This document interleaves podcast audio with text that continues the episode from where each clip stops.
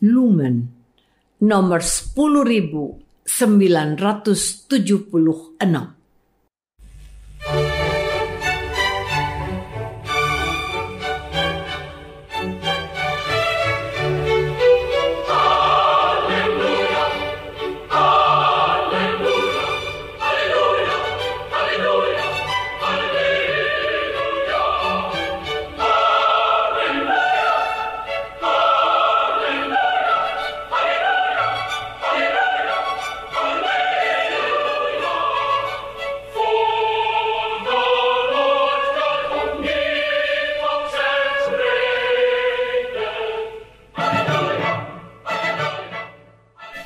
Saudara pendengar di segenap penjuru tanah air, selamat bergabung dengan Lumen Indonesia.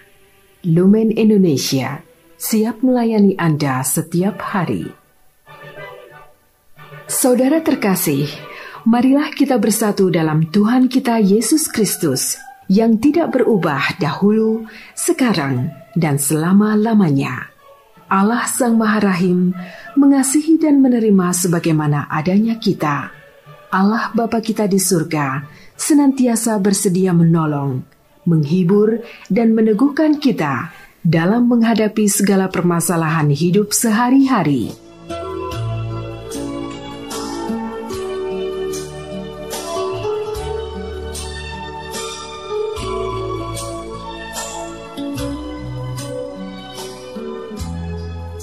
Saudara-saudari, marilah kita mendengarkan renungan dengan judul Pesta Santo Bartolomeus Rasul.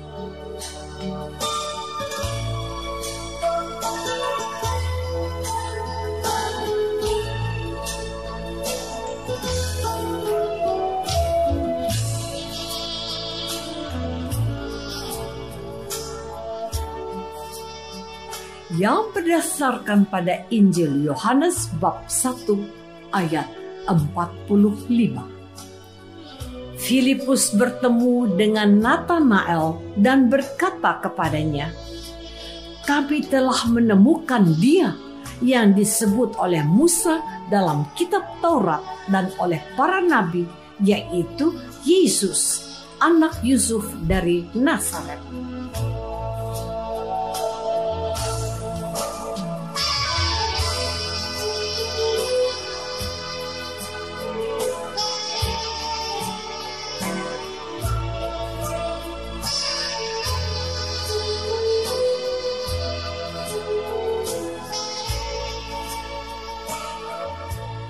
Dalam nama Bapa dan Putra dan Roh Kudus.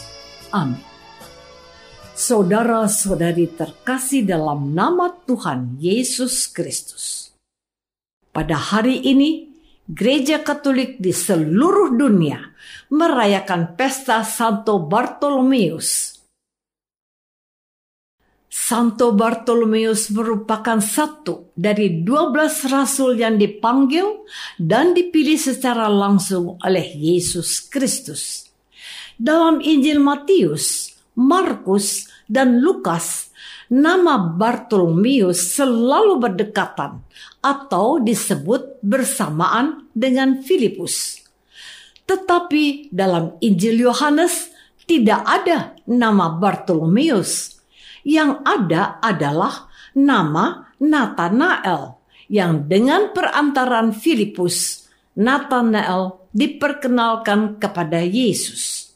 Dan para ahli kitab suci sepakat bahwa Nathanael adalah orang yang sama dengan Rasul Bartolomeus.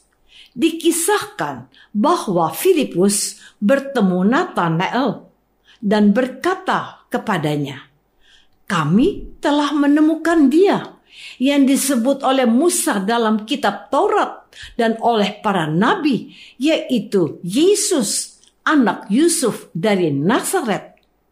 Kata Nathanael kepadanya, Mungkinkah sesuatu yang baik datang dari Nazaret? Kata Filipus kepadanya, Mari dan lihatlah. Yesus melihat Nathanael datang kepadanya, lalu berkata tentang dia, "Lihat, inilah seorang Israel sejati. Tidak ada kepalsuan di dalamnya. Saudara-saudari terkasih, pertanyaan Nathanael, mungkinkah sesuatu yang baik datang dari Nazaret adalah sebuah ungkapan yang mempertanyakan kemampuan orang dari Nazaret. Nathanael ragu-ragu dan sedikit bingung dengan berita yang telah ia dengar bahwa Mesias, Sang Juru Selamat yang dinanti-nantikan oleh orang Israel bukan datang dari Yerusalem. Rasul Bartolomeus berpikir tidak mungkin tokoh besar yang dinubuatkan Musa bisa datang dari daerah yang kecil dan sederhana. Namun, penilaian Bartolomeus terhadap Tuhan Yesus berubah saat Yesus mengatakan bahwa Bartolomeus adalah seorang Israel sejati. Tidak ada kepalsuan di dalamnya. Kata Nathanael, "Bagaimana engkau mengenal aku?" Jawab Yesus kepadanya, "Sebelum Filipus memanggil engkau, Aku telah melihat engkau di bawah pohon ara. Kata Nathanael kepadanya, Rabi, engkau anak Allah, engkau raja orang Israel. Yesus menjawab, katanya, karena aku berkata kepadamu, aku melihat engkau di bawah pohon ara, maka engkau percaya engkau akan melihat hal yang lebih besar daripada itu. Saudara-saudari terkasih, menurut Eusebius, ahli sejarah gereja, menceritakan bahwa Bartolomeus menjadi pewarta Injil Kristus di belahan dunia timur.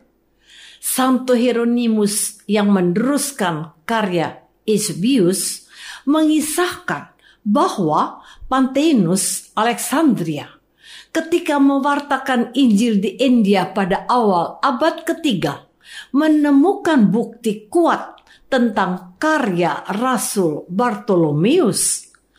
Kepada Panteonus, orang-orang India menunjukkan satu salinan Injil Matius yang ditulis dalam bahasa Ibrani untuk membuktikan bahwa orang-orang India telah diajar Bartolomeus kira-kira satu setengah abad. Santo Hieronymus menjelaskan bahwa Pantheonus kemudian membawa salinan Injil Matius itu ke Alexandra. Catatan-catatan gereja lainnya tentang periode ini berbicara tentang Bartolomeus yang mewartakan Injil di Hierapolis, Asia Kecil. Di sanalah Santo Bartolomeus berkarya bersama-sama dengan Rasul Filipus. Menurut catatan sejarah yang dapat dipercayai kebenarannya, dikatakan bahwa setelah Filipus meninggal dan pembebasannya dari penjara, Bartolomeus mewartakan Injil di Lakodia, Asia Kecil. Bangsa Armenia pun menyebut Bartolomeus sebagai rasul mereka. Saudara-saudari terkasih, hal menarik dari kisah Santo Bartolomeus adalah pertobatannya.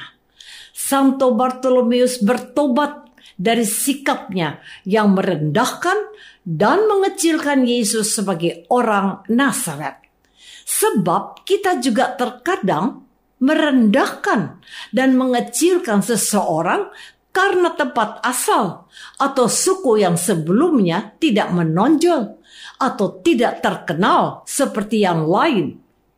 Contoh terkadang kita lebih menghormati orang Amerika karena Amerika bangsa besar dan di sana banyak orang-orang yang pintar. Maka orang-orang berpikir bahwa orang Amerika pasti hebat-hebat. Kita tidak tahu bahwa banyak juga orang Amerika yang hidupnya jahat dan tidak baik. Sebaliknya, sikap kita bisa sangat berbeda ketika melihat orang Afrika yang kulitnya gelap atau hitam. Kita tidak tahu bahwa ada pula orang Afrika yang lebih hebat daripada orang Amerika. Misalnya, Nelson Mandela. Nelson Mandela adalah mantan presiden Afrika Selatan yang terkenal sampai sekarang ini karena kehebatannya dalam menyatukan orang-orang kulit putih dan kulit hitam. Maka kita perlu sadar bahwa Allah tak cuma memakai orang kulit putih, tapi memakai semua orang apa pun warna kulitnya.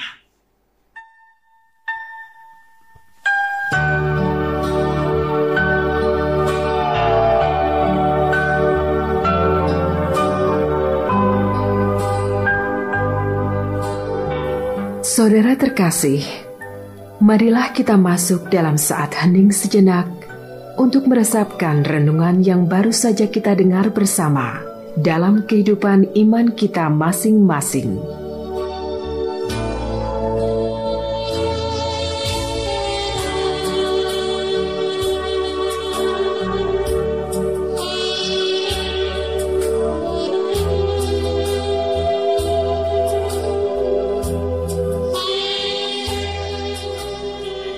Apakah kita sudah berusaha untuk bertobat seperti Santo Bartolomeus dengan tidak merendahkan seseorang karena tempat asal atau sukunya?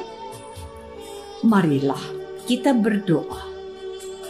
Tuhan Yesus Kristus, Engkau telah memilih Santo Bartolomeus untuk mewartakan Injil dan bahkan dia rela menderita demi kesetiaan imannya kepadamu. Tuhan, berilah kami kekuatan untuk tetap setia dan tidak merendahkan sesama kami hanya karena tempat asal, warna kulit, atau sukunya.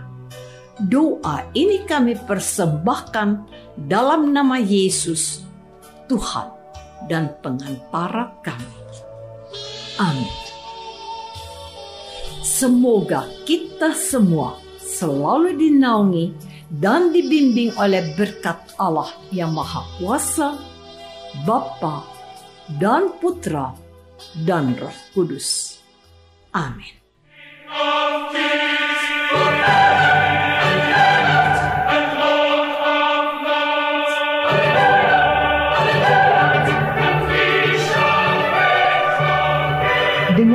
Kasih dan sukacita, Lumen Indonesia mengundang saudara-saudara seiman di segenap penjuru tanah air.